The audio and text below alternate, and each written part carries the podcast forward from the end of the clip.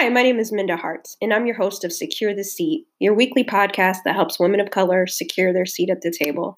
And it's not about getting your seat and forgetting about the rest of us, it's about figuring out how you secure your seat and you bring others along so they can secure theirs as well. I hope you're doing well. I know it's been a little while since you've heard from me. We have so much going on with this uh, coronavirus and whatnot, I hope that you are in good spirits. I know that if you are in the service industry or hospitality or um, an entrepreneur or a freelancer or a part of the gig economy in any way, that you may be feeling this. And I, as you know, I've been on the road for several months for the book. And when the virus hit, everything went to a screeching halt.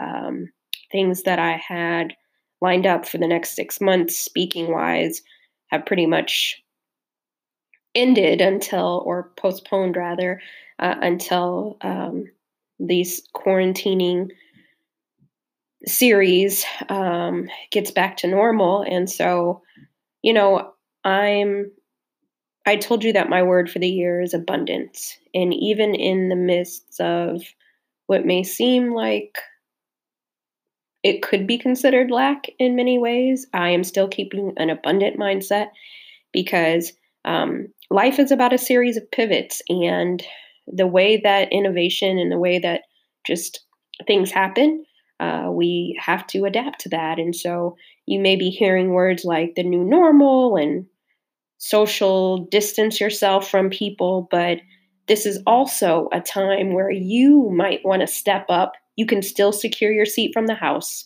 Don't let anybody tell you different. This is the time where this is an opportunity for you to see where the holes are in some of the processes and see how you can be the solution. Um, prior to going out on my own uh, in my former life, I worked the last four years of my career, I worked from home. I worked from home for four years, and it was an adjustment because I had spent um, 10 plus years of my career in an office and then to transition uh, 90% of the time working from home and i worked on the opposite coast of my office and so i still had to remain relevant. I still ended up um, leveraging opportunities to even manage staff remotely and be a part. I was still at the table. I still found a way to make myself relevant even when i wasn't there day to day and it'd be months that many people would see my face on in the office, but I made sure that I Skyped with people, that I Zoomed, that I kept top of mind on the people who needed to know about me and what I was doing. And um, so I don't want you to lose heart. Um, you may not be feeling well right now, and I hope that you're taking care of yourself. Uh, actually, being on the road for so long, um, I started not to feel so well. And So it's actually uh, good for me to just sit down for a minute as my mom used to say, just sit down somewhere. and so I'm sitting down somewhere and getting myself back together and, and working on some new things. And so while I was traveling before um, Corona uh, reared its ugly head, I had one of the most amazing weeks. And if you follow me on social media, you may have seen in a 24 hour period, I met Mrs. Michelle Obama and Gabrielle Union. Like, I haven't received a picture yet of um, Mrs. Obama because they make you they don't let you use your phones. They take your phones and then they kind of have like this Sears portrait studio set up where you go in and you take the picture. And um, so I had my picture taken that way with Gabrielle Union. I did get that picture and I have shared it online. And within that 24 hour period, I also um, met Mrs. Obama, and that was like a dream come true. Both of those women were a dream come true. And so uh, I can't wait to share those pictures when I get them. And I actually have the same shirt on because it happened in the same 24 hour period. in the morning, I met Mrs. Obama, and late afternoon, I uh, in a different state, I met Gabrielle Union, and I had this fabulous Tory Burch blouse um, that I actually bought because I'm like, Minda, this is your first time meeting Mrs. Obama. You cannot wear anything that is in this suitcase right now. You got to go out and get a, the best. And so um, yes, that's what I did. so uh, it was just, I have to write about it because um, I had told myself all day that I wasn't going to cry, and I managed not to cry, uh, barely. And so I just wanted to be able to thank her, and I didn't want that to be shrouded by my tears. Now, um, I had talked myself up, but I know that had I not had a big girl talk with myself, I definitely would have been like all tears, and my 90 sec- seconds would have ended very abruptly because I would have cried the whole time. So I wanted to make it as meaningful as possible, and she was everything that I hoped she would be and more. And so, um, in 2017, I actually put five uh, like kind of black girl magic uh, people in my phone that one day I hope that I would be able to thank them. And in a week's time period, I had both of those women, Mrs. Obama and Gabrielle Union, were both on that on that list because I love how they lean into their courage and they push aside their caution. And I think that that is what all of us are hoping to do, um, one step at a time, one small act of courage at a time, is having those conversations, putting ourselves out there because we got to make it better for the next generation and we got to make it better for ourselves. And so um, I just hope you're taking care of yourself. I know it's like crazy town out there right now, but try to be at home. Try not to be out in these streets. We they need us. If you hadn't noticed, they need us. They need us strong. They need us healthy, and they need us at these polls in November. Okay, so you guys take your cod liver oil, um, your Alka Seltzers, your Theraflu, your vitamins, whatever you got to do um, rest, get that rest uh, because uh, the work doesn't stop. Uh, but on this episode, I'm really excited to share with you uh, Thea Smith. She is a gender inclusion advocate and strategist. Um, she was a founder of the nation's first city funded business incubators for ventures that are 100% women owned and led uh, in Atlanta. And so she's done so many things. And I actually, uh, Thea was somebody years ago when I, around the first time I kind of started the memo, the business uh, side of it, I wanted to meet Thea and I've been trying to figure out how to, how to meet her and I could never uh, connect. And um, then it just so happened that uh, General Consulate Nadia Theodore um, of Canada, she, when I went down to Atlanta for book tour uh, that she hosted, she was so generous. Um, and if you haven't heard our episode, it's earlier this season, Leading While Black, fantastic, one of our top episodes this season. And um, she set up her generosity, man. I'm, I'm still like bathing in it. She set up time and booked a studio for me to record um, some episodes of Secure the Seat. And Thea was one of those people that she brought down, not even knowing that I had been wanting to meet this woman for a long time. And so the universe, God, the creator, um, whoever you believe in, brought that together. And when you put it out there, it will happen. It may not happen, uh, like Ashanti says, uh, you might not be there when you call, but he's always on time. so always on time. And so I, I'm just so so thankful that she made the connection. And it, this episode is really special. And I think as we're nearing the end of uh, Women's History Month, she has done so much for women and so she's helped other women secure their seat and that's that's what the show is about how do we create more seats and how do we secure our seats and so this episode is called seat creator because that is what thea has done that is what she continues to do and i know you're going to love this episode so without further ado let's get into it Okay. Thea, welcome to Secure the Seat. How are you? I am great. How are you? I'm doing well. I'm so excited to be here in Atlanta with you, about to dive in into some some deep stuff. I know. I'm excited we got you to Atlanta. Yes, yes. I may never leave. No, we may not let you. um, but before we dive in, tell us a little bit about yourself. Sure. So. I am a, a native of Washington, D.C. Uh, first came to Atlanta to attend Spelman College, many moons ago, mm-hmm. um, and really fell in love with this city. Fell in love with the um, the fact that the city felt both aspirational and accessible to me. It felt like a place where I could bring my dreams, but that my dreams were also very much in reach. So I moved around quite a bit, um, or, I should say, I moved back home to Washington, D.C., was in New York for some time, and really um, after college and even a bit in college, knew that entrepreneurship and um, a level of um, economic independence, if you will, was was the the chart that I wanted to really stay the course of. So um, I, I, started a PR firm in college, and um, that evolved into a, a very um, vibrant career for me in public affairs, um, political affairs. I really developed a love for understanding the nuances and dynamics of of our political backdrop and what was happening on uh, both a local and national level. Um, and with that, was introduced really to an incredibly diverse um, portfolio of people in the political space, um, in the business space here in Atlanta and in Washington, D.C., um, that really opened my eyes to the importance of diversity. And at the time, that was not a buzzword like it is now. it was a word that I think um, corporate corporations were using and beginning to introduce into how do we think about creating a more um, equal playing field, if you will, for the people who are here. But I think what I was beginning to see was an opportunity for us to think more beyond just the structure of corporate America and how do we think about that from an entrepreneurial standpoint? How do we think about getting more women, more minority women, uh, more people of color into opportunities for their businesses to start doing business with these large corporations, these Fortune 50s and 100s that we often hear about, but often don't know how to navigate to reach them.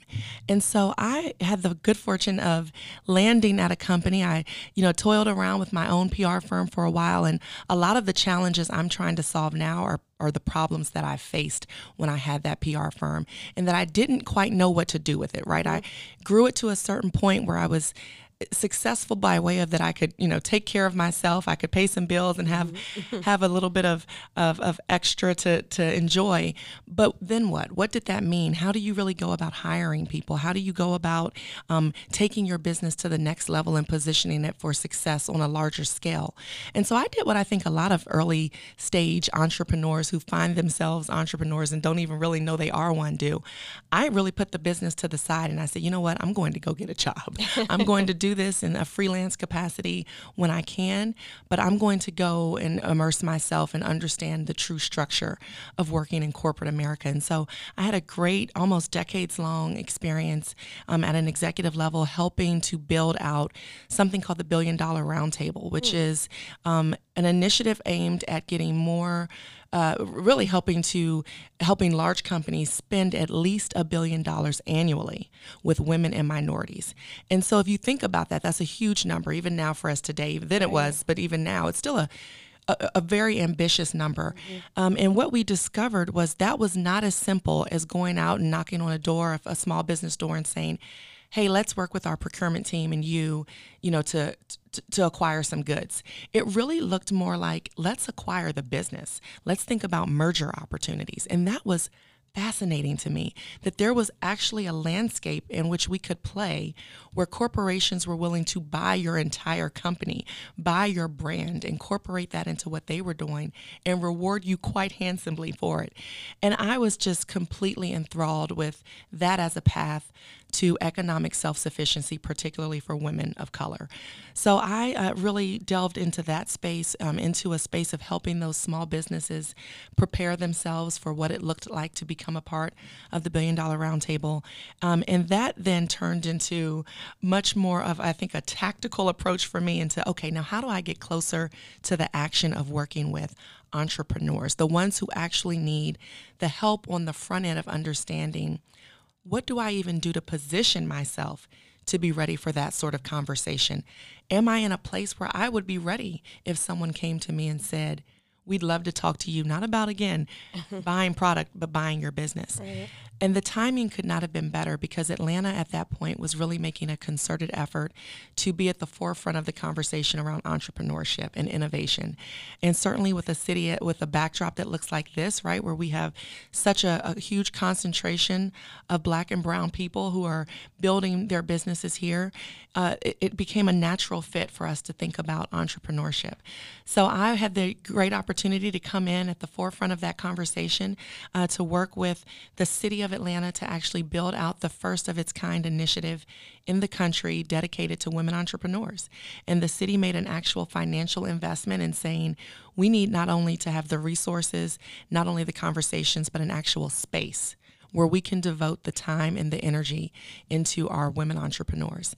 And so we launched the Women's Entrepreneurship Initiative in 2014 and focused really on high impact women entrepreneurs. And what I mean by that is women who had the had the we knew they had the drive we knew they had the determination we knew they had the wherewithal to really build these incredible businesses often they just needed someone to make those connections to them to the human capital the people who could help drive those businesses forward the people who could help introduce them to the right um, people in the financial space who could help make access to capital a reality for them, the educational pieces of, of that, what we may not learn if we did not go to business school and don't have a business school education right. as entrepreneurs, the everything from branding your business to um, social media engagement and how that influences your business now to how do you really think about again something I experienced hiring someone. Do you need to hire someone? So we really tried to introduce all of those resources into that into our experience and then give them the actual space because we know one of the biggest challenges for women particularly as they are starting a business is the overhead that goes into getting that business off the ground and where are you going to run that business and if you're running it from home which i can attest mm-hmm. that was me with a pr firm operating it out of my extra bedroom isolation is often the enemy of entrepreneurship if you are at home by yourself running that business, you are really in a bubble and away from those resources and that human connection that you need. So we really wanted to introduce a solution to that. We created an incubator that brought 15 women in-house, gave them access to state-of-the-art space, resources, an office that really did help them by way of credibility because we wanted them to always appear larger than they were as they were building up to being that. Wow, that's awesome. There's so much that you said in there, and I'm like, oh, I, I wish we had more time um, to delve in, but I, I think that's so important. And oftentimes at Secure the Seat, we talk about mm-hmm. securing your seat maybe at someone else's table, but also building your own. And so I love that you were able to touch on that from a couple of different angles. But let's talk about um, the power of networking because yes. I think as entrepreneurs, and, and myself, I've sat on both sides of the table now mm-hmm. in the corporate side, nonprofit, and um, in entrepreneurship. And it was the power of a network that helped me figure out what were some of the pieces of the puzzle that I needed. And so, talk to me. I know that um, when you were you're doing other things now, but when you were appointed to executive director mm-hmm. uh, here in Atlanta, you were appointed by the former mayor of Atlanta. Correct. So, how do you build your squad? I talk about that in my book, Building Your Squad and the Importance of a Network. Talk to us about how that played a role in how you found you know the next thing that you yeah absolutely on. well i think you know building a network is is such a critical piece to uh, to your point whether you're an entrepreneur whether you're an entrepreneur and you're within a corporation um, but we i think what we really have to do is recognize the importance of a network. I think that word has become stretched a bit thin now, right? Where yep. we think a network can simply mean connecting to someone on LinkedIn or connecting to someone on, you know, through your social media channels. And it still for me is very much a direct human to human engagement. It's a, it's an it's an art form, if you will, mm-hmm. that really does require the constant flexing of a muscle. You have to get very comfortable being uncomfortable when yes. you're building a network. And there are a couple of reasons for that. One of the most important, and I know you've touched on this, and I so appreciate it, is that your network should absolutely not include people who look like you and who feel most like you. Mm-hmm. The only way you're ever really going to be able to diversify, I think, your skill set and your access to opportunity is to look outside of your comfort zone when you're thinking about who can really help me drive my my goals forward mm-hmm. right and i know for me when i think back to mentors and i think back to even beyond mentors what i call success partners people who really did invest in my success mm-hmm. and say even if Thea is nowhere near this room i'm going to speak her name and i'm right. going to advocate for her to have opportunities those people very rarely look like me matter of fact more often than not they were men they were white men. They were older white men, um, but they were older white men who did not allow any of those labels to deter them or to prevent them from recognizing that I had a desire and I had an interest and I had a commitment to to success mm-hmm. and to mm-hmm. wanting to to grow my own level of success. So I think for me when you're thinking about networks there are a couple things that are really important along with that along with one thinking outside of just your comfort right. zone, being open and willing to have conversations with people who do not necessarily look like you or even think like you mm-hmm. when you're when you're planning on growing or, or scaling. Um, but two, not treating it as a transaction. I think that's something that we can often do where we'll, you know, we'll we'll, we'll think about can I meet you for coffee? Or can I, you know, spend 30 minutes on a phone call with you?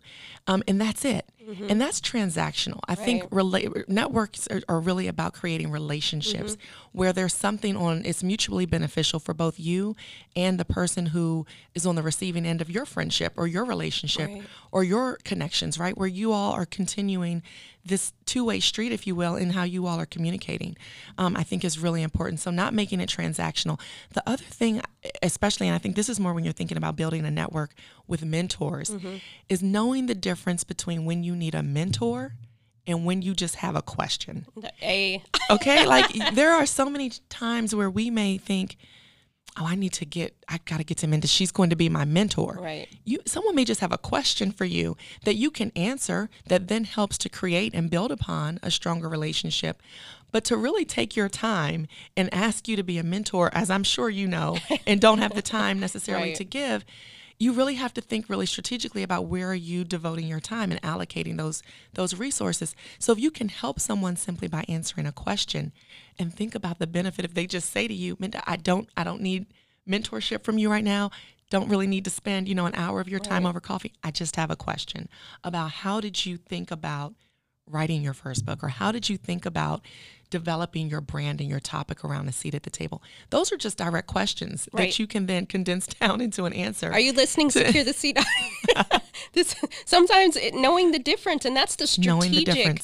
The um, because people that putting that label of mentor can sometimes for some mm-hmm. it's so much it's so heavy right when you ask somebody can i be your mentor and they're like oh i don't want another exactly. title i don't want another mentee but maybe it's just that question and that's the the door being cracked to maybe them one day becoming your mentor that's exactly right yeah exactly right so no I, I love that you talked about that because i think people get so tripped up over the word mentor mm-hmm. and then you've like stressed yourself out because they're not they said no to me or whatever the case may be when it may just be that question. So i'm glad that that you talked about that. Um, exactly. um, the the other thing i wanted to touch on is you mentioned economic self sufficiency. Mm-hmm. Why is that important specifically for women of color as we head into what many are saying the future of work? If we are the future of work, mm-hmm. what what does that mean, and what is the responsibility that we should be thinking about as women of color? Yeah, absolutely. So you know, for me, economic self sufficiency is is is the shortest distance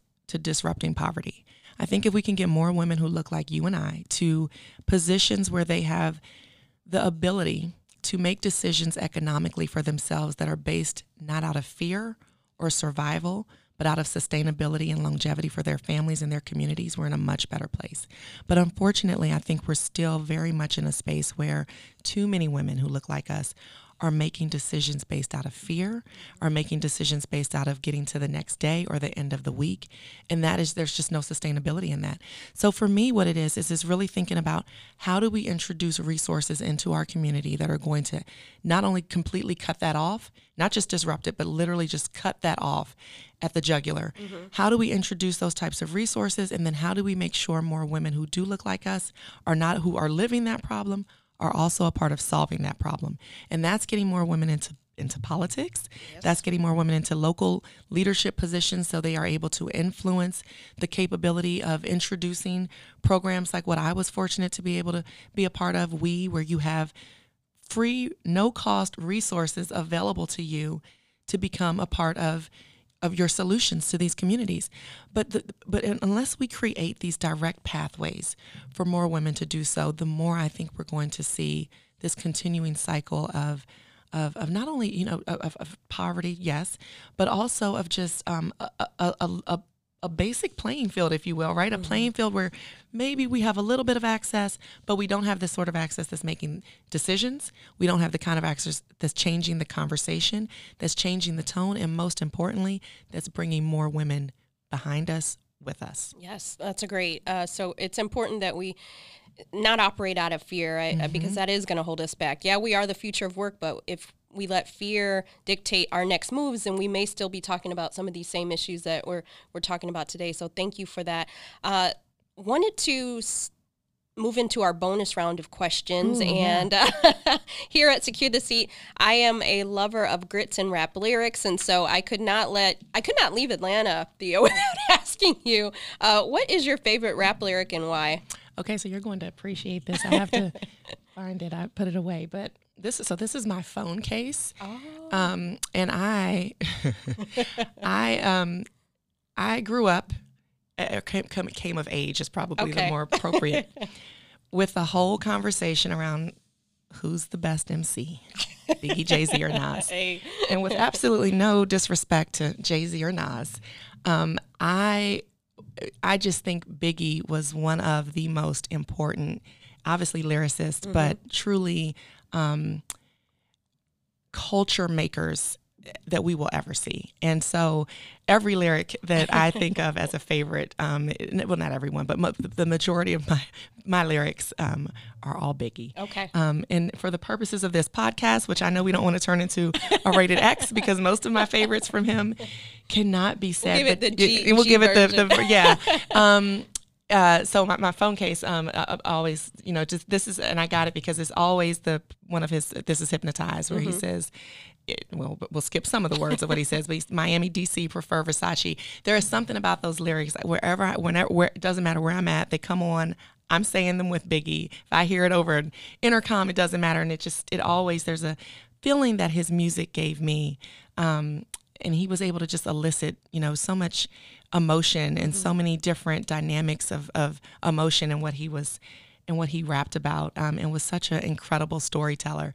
But for me, um, Sky is the Limit. Mm-hmm. Great song. Um, and right, and you think about some of Biggie's lyrics, and they literally, I, I think about him today, mm-hmm. and where he would be today, and I can I can't believe he wouldn't have be a prof- guest professor somewhere speaking yep. on the importance of his lyrics and those words because some of them are just good business advice, right? Some of them are just good. And so I love when he says in um, sky's the limit. A couple things. The milk was chocolate, the cookies butter crunch. But I love when he says, if the game shakes me or breaks me, I hope it makes me a better man. Take a better stand. Mm-hmm. Put money in my mom's hand. Get my daughter, daughter that college grant. So, so she, she, don't, need, need no man. man. Stay far from timid. Only make moves when your heart's in it and live the phrase sky's the limit. Yes, yes. I love, love that it. song. Yeah. that, it's the perfect, like you said, be such a great storyteller. And I, I couldn't imagine that. I mean, I know out of that genre and that mm-hmm. era of music, obviously Jay Z and Nas are still kind of at the top, but I know that Biggie and Tupac would have been right, right. If not, you know what I mean. Uh, so they're still applicable to today. Completely. So thank you for sharing Absolutely. that. Absolutely. Thank you for asking. That's such a great question. I love that. that nostalgia, I can't help it. Um, and, and, I then, love that my phone case finally has some has an appropriate place to be. yes. It, here it, it is. Um, I, have never seen that before. So that just like warmed my heart when I saw it. Uh, the other question I want to ask you the podcast is called Secure the Seat. Mm-hmm. What does that mean to you? Secure the seat for me means um, I'll leave you with three things when I think about it. Um, or, or, maybe I should say this that I, w- I would offer to women as they are securing the seat. Don't believe the lie, don't be the lie, and keep the seat warm. So don't believe the lie, meaning that you know, I, I think unfortunately we are still very much in a space where women are competing against other women in spaces where we should not be. We are still being unfortunately fed and often even perpetuating this idea that there is not room for all of us, that there is not the capacity for all of us to be successful, for us to succeed, there absolutely is, right? There's absolutely the ability for us all to be able to have a place at the table, a seat at the table.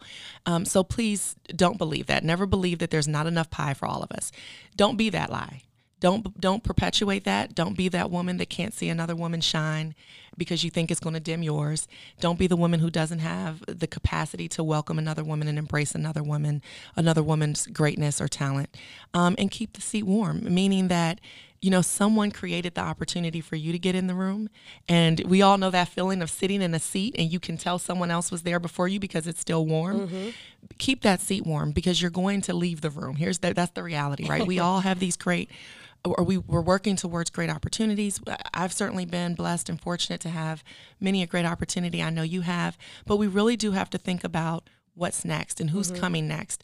And I truly believe that being the first and being the only is only worth celebrating if you make sure that you're not if you're making sure that somebody else has access to that seat, somebody else has access to that room. So make sure that not only are you entering the room thinking about the woman who's coming behind you, the person of color who's coming behind you, um, but making sure that you are leaving that space better. You really do have a responsibility to make sure you are doing your best to make sure that room is is is much more accessible, more inclusive. Uh, is more embracing of differences than it was when you walked into it, and certainly when you walked out of it. There's a whole word there. Uh, I really love that. Uh, all of that was just great. How can people find you, follow you, work with you? Yeah, so I'm. Um, I'm on social media at uh, the Thea Smith, um, T H E I A Smith. That's also my website, www.theasmith.com um, and would love to keep the conversation going. And I'm so excited and proud of you. Oh, and thank you. Incredibly blessed to be here with you today. Likewise, and uh, the power of a network is uh, a few years ago I found out about Thea's work, and I had been trying to figure out how, how to meet her, and, and the universe conspired in my favor. I didn't even have to beg beg for it. This absolutely network. Just, you're right. Network, a power of a network, and so I thank you for the work that you're doing, the seats that you've created for other women that look like us, and those who don't. And so thank you, oh. and keep securing your seat. Thank you. Thank you for having me. All right. I know you love that episode with Thea Smith. Please follow her on LinkedIn, Thea Smith. Uh, if you do send her a note, send her a note and leave a little, like you heard her on Secure the Seat, because I don't know about you, but I have I have thousands of LinkedIn requests that I can't even go through because I don't even know where these people have come from. you know, um, I am out in these streets a lot. And so, literally, I have thousands of people who've requested, and it's very rare that people send me a note saying, Hey, I met you at Black Enterprise Summit. Hey, I met you at Nike or wherever. And so, as a pro tip, if you do submit a, a request to someone, leave the little note where they you can say why you're connecting or how you met them because at this point if you've sent me a linkedin request and you didn't put a note part of my self care is not even checking it because I, can't even, I don't even have the capacity to go through thousands of requests. And um, and when I did for the first part of my book tour, I just re- accepted everybody. And then next thing you know, I had all of these um, solicitations in my inbox, and clearly people who did not even know what I do or any of those things. And so um, be thoughtful when you reach out to people because more people will accept it, even if they don't know you, based off of what not like canned and generic. And so maybe you know that, but if not, share that sauce. That's what we're here to do. Uh, again, connect with Thea, Thea Smith. She's on LinkedIn. Follow her. Um, let her know that you appreciate the episode. Lastly, in the next couple weeks, uh, the memo on my website, mindaharts.com, uh, I will have a store available. I have a the t-shirt, sweatshirt, and then a memo book club guide.